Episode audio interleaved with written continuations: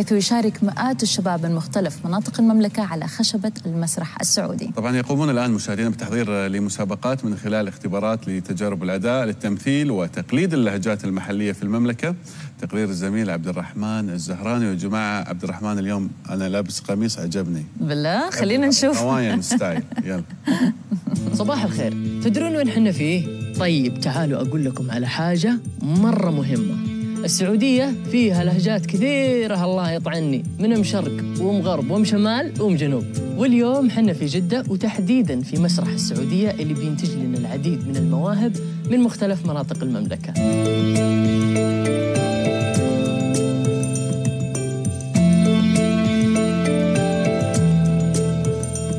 إحنا نتكلم على 12 ساعة تدريب في اليوم على مدار الأسبوع. تفرغ كامل معسكر مسرحي بحت. فالموضوع مش بسيط. والمجهود خلف هذه الستارة أعتقد أنه مجهود كبير وضخم جدا.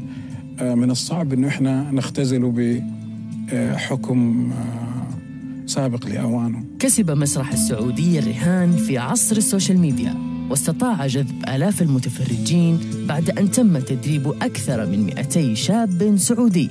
بقيادة المنتج عدنان كيال والفنان أشرف عبد الباقي.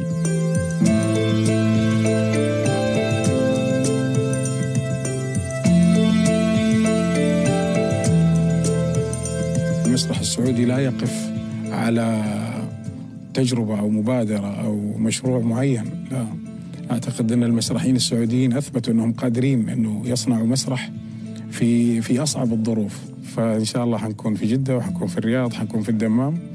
وقادم يعني مجموعة من ال- المشاريع والأفكار والمبادرات اللي بإذن الله أنه تجربة تنجح وتعمم. ونشوفها إن شاء الله في كل منطقة في في السعودية. مسرح السعودية هو فرصة كبيرة لتقديم المواهب السعودية الشابة وجذب العائلة لتكون جزءا من الحراك المسرحي. وسيجوبون المملكة قريبا في برامج جديدة وفريدة من نوعها. لصباح الخير يا عرب عبد الرحمن الزهراني جدة.